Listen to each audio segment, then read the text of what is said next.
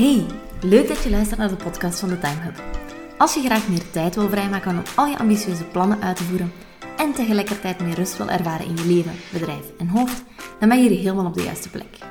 Mijn naam is Ellen en al jaren doe ik onderzoek naar manieren die me helpen om tijd te winnen, productiever te worden en mijn wilde plannen met een gezonde portie rust te combineren. In deze podcast deel ik mijn bevindingen, tips en hacks en vooral ook het verhaal van mijn zoektocht naar meer tijd. Hoi hoi en welkom terug bij de podcast. Ehm, ik ga me alvast excuseren voor de aflevering van vandaag, want het onderwerp waar we het over gaan hebben is een onderwerp waar ik altijd redelijk snel van op mijn paard ga zetten en dat ik soms de neiging heb om een klein beetje over te gaan ranten. En dat zijn e-mails. Uh, ik heb namelijk echt een hekel aan e-mails. of niet aan alle mails per se, uh, maar vooral hoe dat ze tegenwoordig gebruikt worden. In de laatste job die ik deed voordat ik zelfstandig werkte, uh, leefde iedereen quasi vanuit zijn mailbox. Interne mailtjes, externe mailtjes. Er werden elke dag massa's mailtjes verzonden en je kreeg amper je mailbox leeg op het einde van een dag. Dan gemakkelijk drie uur van je dag in beslag en dan werd je er nog niet door. Jesus. Ehm, en ik weet persoonlijk dat dat niet alleen het geval was bij mijn vorige werkgever, uh, maar dat dat eigenlijk gewoon in heel veel bedrijven voorkomt. Um, dat er heel veel bedrijven zijn waar de managers al gauw 500 ongelezen e-mails hebben, omdat ze overal in CC gezet worden en waarvan dat er eigenlijk maar de helft relevant voor, uh, voor hen is. Um, waar dat bij andere bedrijven soms wekenlang duurt voordat je een antwoord hebt, omdat ze je mailtje wel gelezen hebben, um, maar dat ze er niet direct iets mee konden doen. Dus dat ze het terug op ongelezen gezet hebben en dat zo in de vergetelheid terechtgekomen is.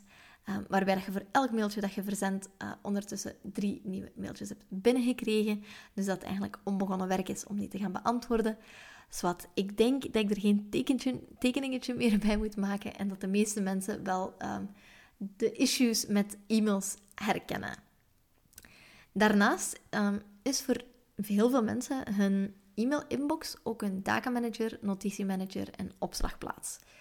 Um, en dat is iets waar ik persoonlijk niet heel goed niet meer snap. Ik weet dat ik dat vroeger ook zo gedaan heb en dat ik dacht, ik gebruikte toen ook Outlook, net zoals nu.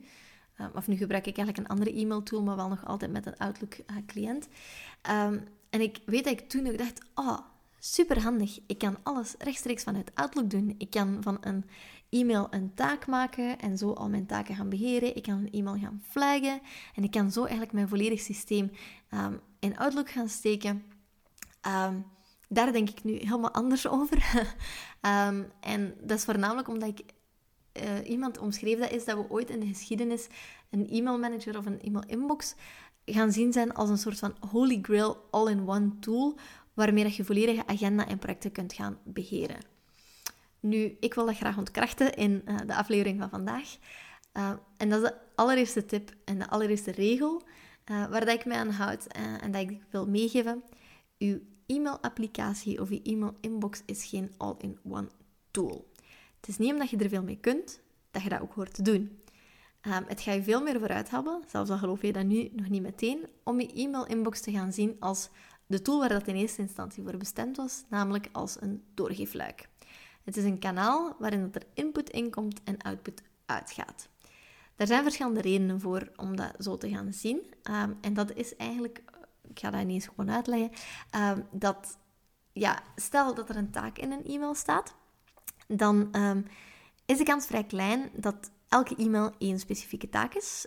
en dat je daar met heel veel gemak een datum aan kan gaan toewijzen wanneer dat die taak moet gebeuren. Of dat er in de e-mailomschrijving of in het onderwerp heel duidelijk in omschreven staat wat dat de taak precies is die dat erbij komt kijken. En opnieuw in Outlook Tasks bijvoorbeeld kan je er wel een taak van maken waarin je die zaken wat duidelijker erin zet en zou je het in principe als taak kunnen gaan beheren. Ehm, maar dan is dat voor mij te veel een gedoe op dat moment en uh, zie ik die taak niet waar dat ik ze wil zien, wanneer ik ze wil zien. Plus als je een e-mail binnenkrijgt met drie taken in, dan zijn hij in principe gescharreld. Um, dus dat is het eerste. Dat is op dat vlak al geen ideale uh, takenmanager. Ook qua notitiemanager vind ik dat niet wauw. Um, want dat wil dus eigenlijk zeggen dat het moment waarop dat, dat je notitie nodig hebt, of informatie nodig hebt uit je e-mails, uh, dat ergens in een e-mail stond, dat je e-mail-inbox moet induiken.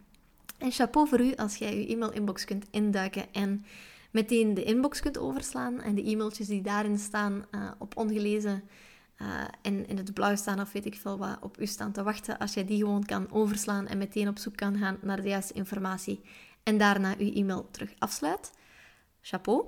Uh, maar ik durf er een klein beetje geld op inzetten dat de kans klein is dat dat het geval is. En dat je eigenlijk de moment dat je op zoek gaat naar informatie in jouw e-mail-inbox, dat je aandacht eigenlijk ook gezogen wordt naar de andere e-mailtjes die al op je staan te wachten.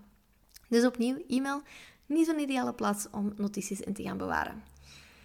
En als laatste, als je ook je e-mail manager als uh, agenda gebruikt, dan geldt daar meestal een beetje dezelfde regel. Uh, dat je ook heel vaak langs de inbox moet passeren om jouw agenda te kunnen zien. En dat de kans ook weer groot is dat je afgeleid wordt door wat er precies allemaal in staat.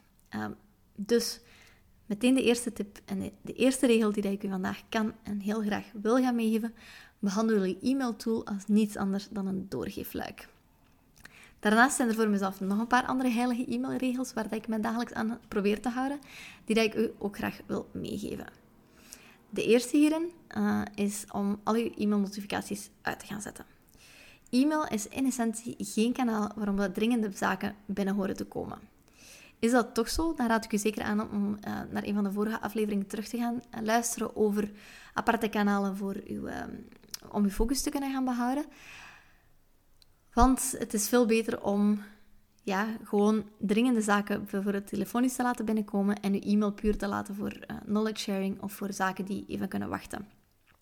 Sowieso is e-mail een kanaal waarop dat je non-stop e-mails gaat binnenkrijgen van klanten, bedrijven, teamleden, nieuwsbrieven en zo verder. Waartussen dat er misschien maar 5% dringende zaken zullen zitten. Dus waarom zou je dan heel je flow hierdoor laten leiden door je notificaties aan te laten staan? Zet die notificaties dus maar gewoon uit. De tweede regel, uh, of eigenlijk ondertussen al de derde, is: als je het niet kan afmaken, dan hoor je het niet aan te raken. Of korter gezegd, aanraken is afmaken. Um, opnieuw het voorbeeldje van uh, toen ik in voorgenoemde job werkte in recruitment. Dan had ik eigenlijk de neiging om wanneer ik op de bus zat te wachten, s ochtends, al meteen mijn mails open te doen om te zien wat er allemaal op mij lag te wachten. Ook s'avonds, wanneer ik van het werk vertrok, keek ik vaak, toen ik achter het rood licht stond, rap nog even in mijn e-mail-inbox of dat ik niks aan het missen was.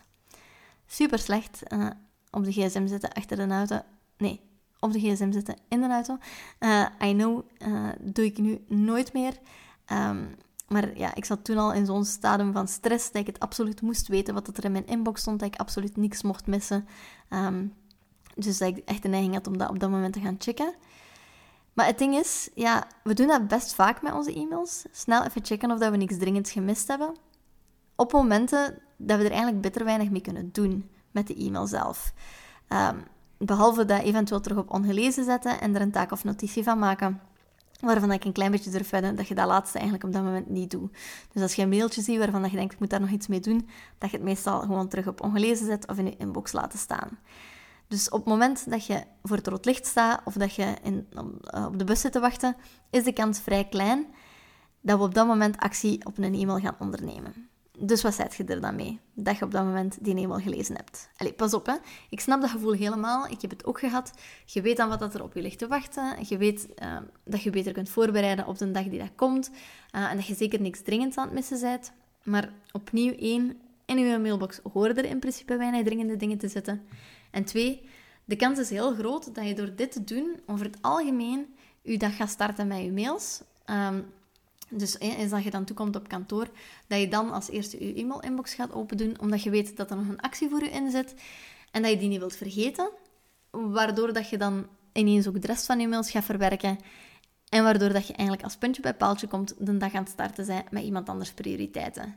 Um, en als je mij al even kent, dan weet je dat ik altijd 100% van, van, van ben van het feit dat je de dag kan starten met eigenlijk jouw grote projecten of de zaken die dat er voor jou echt toe doen en niet met iemand anders prioriteiten.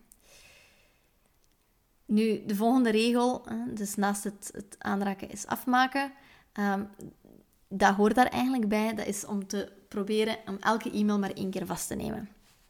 Um, en ik heb het al een paar keer gezegd, het, principe van terug op ongelezen zetten. Eh, ik denk dat dat voor heel veel mensen herkenbaar is, dat je een mailtje binnenkrijgt en dat je denkt, oei oei, ja, dat kan ik nu niet oplossen. Um, moet ik later nog eens op terugkomen. Je zet het terug op ongelezen. De dag daarna klikt je het mailtje terug open, omdat je vergeten bent wat dat was. Um, En dan denk je, ja, ik kan het nog altijd niet oplossen. Dus je zet het terug op ongelezen en dat herhaalt zich en herhaalt zich en herhaalt zich, totdat je ermee aan de slag gaat, wat dat gemakkelijk een week verder is. Ehm, daarom vind ik het ook ontzettend belangrijk dat je probeert om elke e-mail maar één keer vast te nemen en eigenlijk op dat moment er meteen actie mee te ondernemen. En wat bedoel ik dan met de actie ondernemen?